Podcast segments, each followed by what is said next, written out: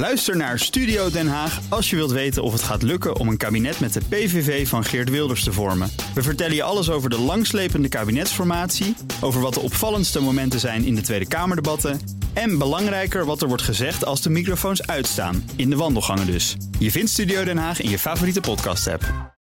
De column van Jaap Jansen. De gewiekste spindokter achter succesvolle campagnes van minister-president Jan-Peter Balkenende, Jack de Vries, is terug.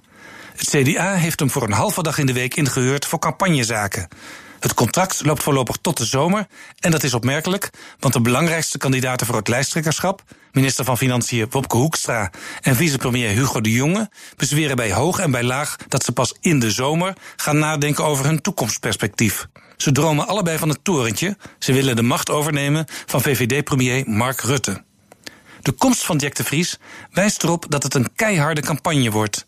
Hij is de man achter U draait en u bent oneerlijk. Jan-Peter Balkenende in 2006 tegen toenmalig PvdA-lijsttrekker Wouter Bos.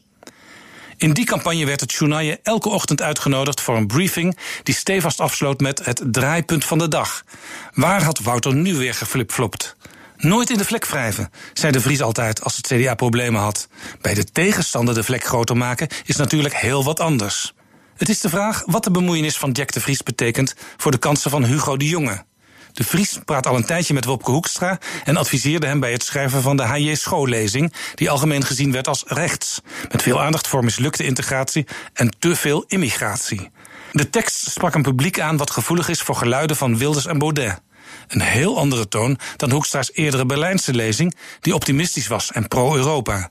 Of was dit een kwestie van elk publiek een eigen verhaal, waar een opperspindokter als Jack de Vries wel raad mee weet? Toen onderzoeksbureau Motivaction hem ooit vertelde dat veel potentiële CDA-stemmers geen krant lezen en naar RTL kijken, verscheen de toch zo keurige Balkenende plotseling als gasthoofdredacteur in RTL Boulevard. In zijn hoogtijdagen als woordvoerder en adviseur was Jack de Vries invloedrijker dan een fractielid als politiek assistent van de premier machtiger dan menig minister. Nu hij weer regelmatig de CDA-burelen in en uitloopt, is één ding zeker. De campagne is begonnen, de kansen van Wopke Hoekstra stijgen en Rutte wordt straks gepakt op zijn zwakste kant. De draaipunten liggen al klaar. Als Jack de Vries adviseert, zegt hij altijd: blijf bij je boodschap en zorg dat je verhaal helder is. Maar dat was nu juist het grote probleem van het CDA na tien jaar premier Balkenende. Alles was ondergeschikt aan het streven naar rust en stabiliteit. Het had tot gevolg dat het profiel van het CDA onduidelijk en grijs bleef, luidde destijds het snoeiharde oordeel van een partijcommissie. In peilingen staan Hoekstra en de Jonge bovenaan als meest vertrouwenwekkende ministers. Maar het CDA zelf zakt wat weg. Vanwege de niet heel duidelijke boodschap, zeggen de peilers. Werken aan een nieuw en glashelder profiel lijkt mij voor het CDA op dit moment dan ook een grotere prioriteit dan opnieuw het lot in handen leggen van Jack de Vries. Columnist Jaap Jansen. Terugluisteren? Ga naar bnr.nl of de BNR-app. En daar vindt u ook alle podcasts.